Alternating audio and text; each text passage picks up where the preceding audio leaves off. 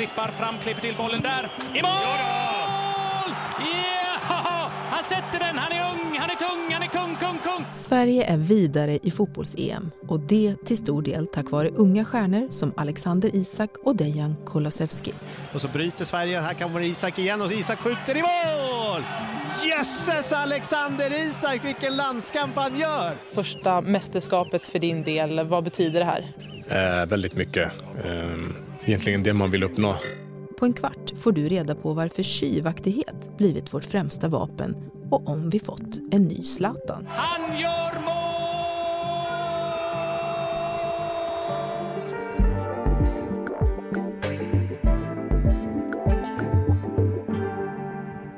Det är måndag den 28 juni och jag heter Erika Treijs. Här är dagens story från Svenska Dagbladet. Anders Lindblad, sportkrönikör på SvD. Välkommen in i poddstudion. Tack så mycket. Anders, kan du sammanfatta den svenska prestationen så här långt, men bara i tre ord? Oj, det var inte lätt, men eh, eh då tar vi effektiv, laglojalt och eh, tjuvaktigt. Okej, okay. eh, ja, du måste ju förklara, ja. åtminstone tjuvaktigt. Mm, men eh, det känns ju som verkligen att Sverige har stulit poängen här, framförallt första matchen mot eh, Spanien. Slovakien kanske de inte stal poängen men de fick ju tre poäng och sen sista gruppspelsmatchen mot Polen så stal de ju verkligen segern i sista minuten också. Så att, ja, ett tjuvaktigt lag okay. på ett bra sätt. men, men trodde du att vi skulle vinna gruppen? För, för Sverige spelade ju i alla fall i mina ganska okunniga ögon en trist inledningsmatch, alltså spelmässigt.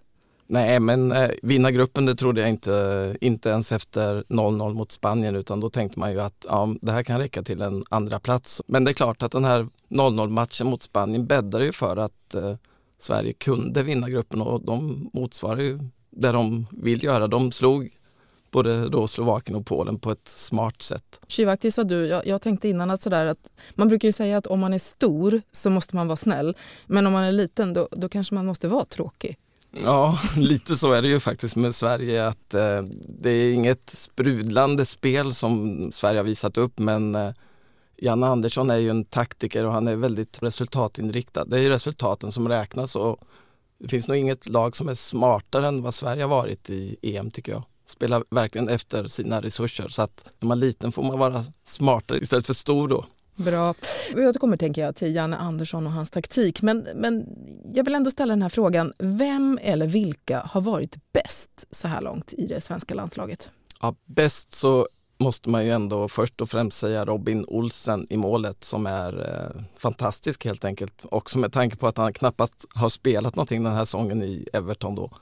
Eh, sen är ju Alexander Isak är ju helt lysande, framförallt då matchen mot Slovakien där han fick sitt eh, stora internationella genombrott måste man säga. Dejan Kulusevski som kommer in mot eh, Polen och bidrar med två mål och var lysande, även han. Mm. Vi är vana att bygga en stor del av vår stolthet kring Zlatan och nu är det väl ändå ett generationsskifte i antågande.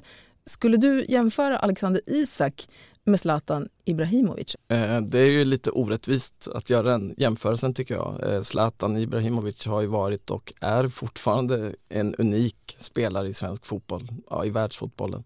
Alexander Isak eh, står bra på sina egna ben tycker jag. Han är en modern forward på ett annat sätt. Zlatan var ju och är mångsidig. Han, han kan göra vad som helst på en plan. Isak har mer den här speeden.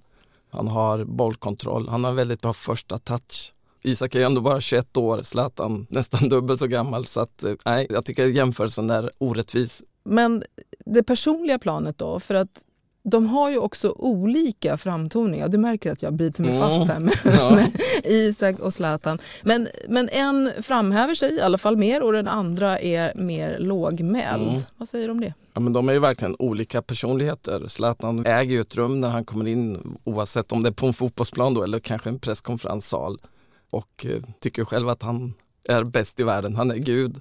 Medan Isak då är den här lågmälda, eftertänksamma personen och eh, hyllar alltid laget framför jaget. Nu är fotbollsplanen som fanns här borta, men hur många timmar om dagen hängde du där på somrarna? Uff, det var mitt andra hem alltså. Alexander Isak är född 1999 uppväxt i Solna och fick sitt genombrott när han som 16-åring gjorde 10 allsvenska mål för AIK.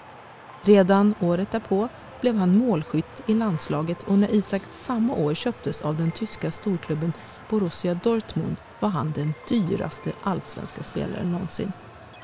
Sedan 2019 spelar han i Real Sociedad och har utsetts till La Ligas bästa unga spelare. Så länge jag gör det bättre än vad jag gjorde senaste säsongen så är det en förbättring och det är jag ändå nöjd över. Men det är klart, man siktar så högt som möjligt.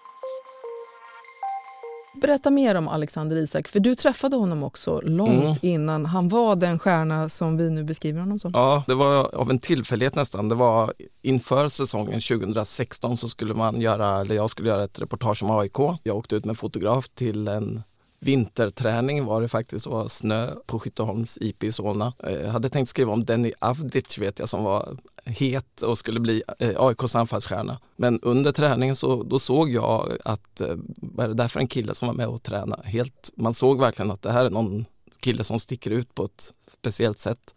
Och jag frågade Björn Westström som var sportchef då, vem är det som är så himla bra helt enkelt på träningen. Och han sa, ja, det är en ny kille, vi har bara låtit honom få vara med och träna lite med A-laget. Han är bara 16 år. Mm. Alexander Isak heter han. Och då frågade jag honom, kanske vill göra den här, en intervju med honom istället för Avdic som var tänkt då. Men då vet jag att Nisse Johansson som var lagkapten i AIK sa att han är alldeles för ung, han har inte ens ett A-lagskontrakt så att eh, du får vänta med det. Men Isak sa, men det är lugnt, jag kan prata lite. Och jag vet att han han sa att drömmen var att spela AIK och att sen bli proffs, helst i Barcelona. Det kanske blir Barcelona.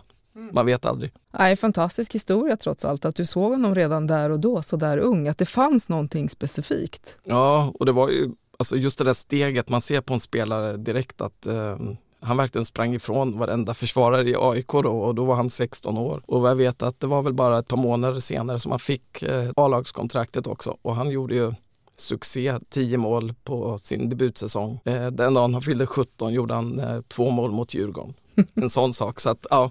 Fantastiskt helt ja. enkelt. Men, men du nämnde några andra svenskar också. Men vilka tycker du, eh, förutom då, förutom då Robin Olsson, verkligen har klivit fram under den här turneringen? Kanske överraskat mest? Alltså en spelare som man kanske inte tänker på det är Marcus Danielsson, mittback som ja, spelat i många, många år i svensk fotboll och eh, var ifrågasatt inför EM men har varit riktigt stabil. Emil Forsberg måste man ju nämna som har gjort tre mål. Han är ju Sveriges kanske bästa offensiva spelare, just den där länken mellan mittfält och anfall. Men sen har vi då Isak och Dejan Kulusevski som är de två hetaste 21-åringarna också. Många av de här har ju trots allt eh, kanske helt enkelt överträffat sig själva i den här turneringen. Men du är ju inte bara sportkommentator utan du är också ordförande i Bragdguldskommittén. Mm. Ja. Har du sett redan så här tidigt några riktiga bragder som kan komma att belönas senare i år? Det kan ju vara så att laget blir aktuellt eller så en individuell spelare men det är ganska svårt att som spelare få bragdguldet. Zlatan har ju exempelvis aldrig fått bragdguldet, det kan ju tyckas märkligt men så är det. Den senaste spelaren som fick bragdguldet var Ove Kindvall 1969 så att eh, det, ja, det är inte helt enkelt men fortsätter de så här och går till eh, semifinal och kanske spelar till och med final då är det klart att då är det bragdguldsdiskussion eh, diskussion i allra högsta grad. Förbundskaptenen Janne Andersson, som du har beskrivit matchat truppen genialt under VM-äventyret, har han fler S i rockärmen så att Sverige skulle kunna matchas ännu bättre framöver? Ja, eh, man såg ju nu i senaste matchen mot Polen när Dejan Kulusevski kom in att eh, han har verkligen kvaliteter som lyfter Sverige ytterligare och jag tror ju att eh, Dejan då får starta här kanske mot ja, i åttondelsfinal mot Ukraina men samtidigt så skrev jag här senaste krönikan att det som är smart med Jan Andersson det är inte att han, han bryr sig inte om vilka som startar utan han matchar verkligen hela truppen på ett ja, genialt sätt. Han byter ut Isak ibland eller har gjort det första matchen. Man tycker det är helt galet men det visar sig att eh, det är Janne som har rätt. Han tänker både i stunden och vad som väntar. Liksom. Vilka är de stora bristerna som du ser i det svenska landslaget? Eh, det jag tycker saknas lite grann det är ju ett riktigt bra eh, centralt mittfält. Kristoffer Olsson har inte riktigt kommit igång. Man ser att han inte har matchats speciellt mycket i sitt klubblag under säsongen. Albin Ekdal var riktigt bra nu senast mot eh, Polen men eh, också en spelare som ja, han kan bättre. Har mer att ge. Ja, han har mer att ge, det tycker jag. Mm. Ytterbackarna har gjort det bra defensivt, både Mikael Lustig och Ludvig Augustinsson, men eh, inte kommit fram på kanterna på det sätt som man vet att Sverige vill. Det finns mer, det, det är som är kanske också det roligaste, att Sverige trots att de inte imponerar spelmässigt så vinner de ändå gruppen och är vidare till åttondelsfinal. Det finns mer att hämta. Det är perfekt det. Men det är en eh, annorlunda turnering också på många sätt med mycket resor för lagen och pandemin har gjort att att det ska i alla fall vara mindre publik på plats. Mm. Nu är det ju inte alltid ja, så. Det... Nej, och det har diskuterats mycket i sociala medier, inte minst det, vad det innebär för smittoriskerna. Är det en coronaanpassad turnering? Nej, det kan man ju inte säga att det är egentligen. Det, det är bara att titta på uh, bilderna från uh, Budapest, fullsatta läktare. Uh, Orban säger att vi har ingen corona här i Ungern. man såg ju matcherna som har varit på parken i Köpenhamn, fullt med folk, inga munskydd. Eh, det dyker upp coronafall, eh, svenska fans som var smittade senast här i Sankt Petersburg. Uefa krävde ju att eh, de arrangerande städerna skulle ta emot publik till, ja, kanske inte fullsatt, men att man ändå skulle ta in en stor del av vad arenan klarar av. Och det, det, är klart att det är oroväckande och ja, vi får se om ett par veckor. Mm. Och nu är jag väldigt glad att du är här i studion men du brukar ju vara på plats och du har bevistat en mängd olika mästerskap. Så, så hur har diskussionerna varit för dig? Varför är du hemma och inte på ja. väg? Jag, jag både av coronaskäl, det var alldeles för osäkert. Även om man, om man ska ut som journalist så testas du hela tiden. Eh, jag är vaccinerad men jag kände också att arbetsvillkoren är ju inte alls bra helt enkelt. Nej, för de får inte komma åt spelarna i alla fall, nej, de som är på plats. Nej, utan jag har istället lagt ner min kraft och energi på att följa landslaget på hemmaplan i Göteborg där de har sin bas. Och där finns det möjlighet att träffa spelarna på ett helt annat sätt och, och följa träningar. På matcher så får du bara vara med digitalt på presskonferenser. För mig som eh, ja, jag ska skriva krönika, det är min huvudsakliga uppgift, så är det faktiskt både enklare och smartare tycker jag själv att eh, följa matcherna framför tvn. Jag vill ju se en lång het fotbollssommar i linje med VM 94 eller i varje fall någon slags repris på äventyret från 2018 där England blev för svåra i kvarten. Anders, hur långt kommer Sverige att gå? Nu är jag väl tråkig då, men eh, jag säger att det tar stopp i kvarten. Men visst, Sverige kan slå vilket lag som helst i en enstaka match. Det har man ju visat här redan. Eh, och det finns ju kvaliteter i laget, eh, just sådana här enskilda spelare som sticker ut då, som Isak och Kulusevski och Forsberg. De har ju skaffat sig själv ett väldigt bra läge, det måste man säga. Så att Ja, och Jan Andersson är otroligt smart. Nu vänder jag nästan här, men visst, det kan bli en lång fantastisk fotbollssommar. Man vet inte med det här laget. Tack, Anders Lindblad. Tack så mycket.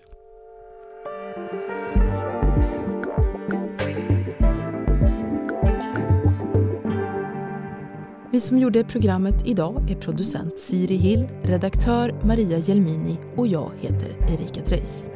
Du har lyssnat på Dagens Story från Svenska Dagbladet. Vill du kontakta oss så mejla till dagensstory.svd.se.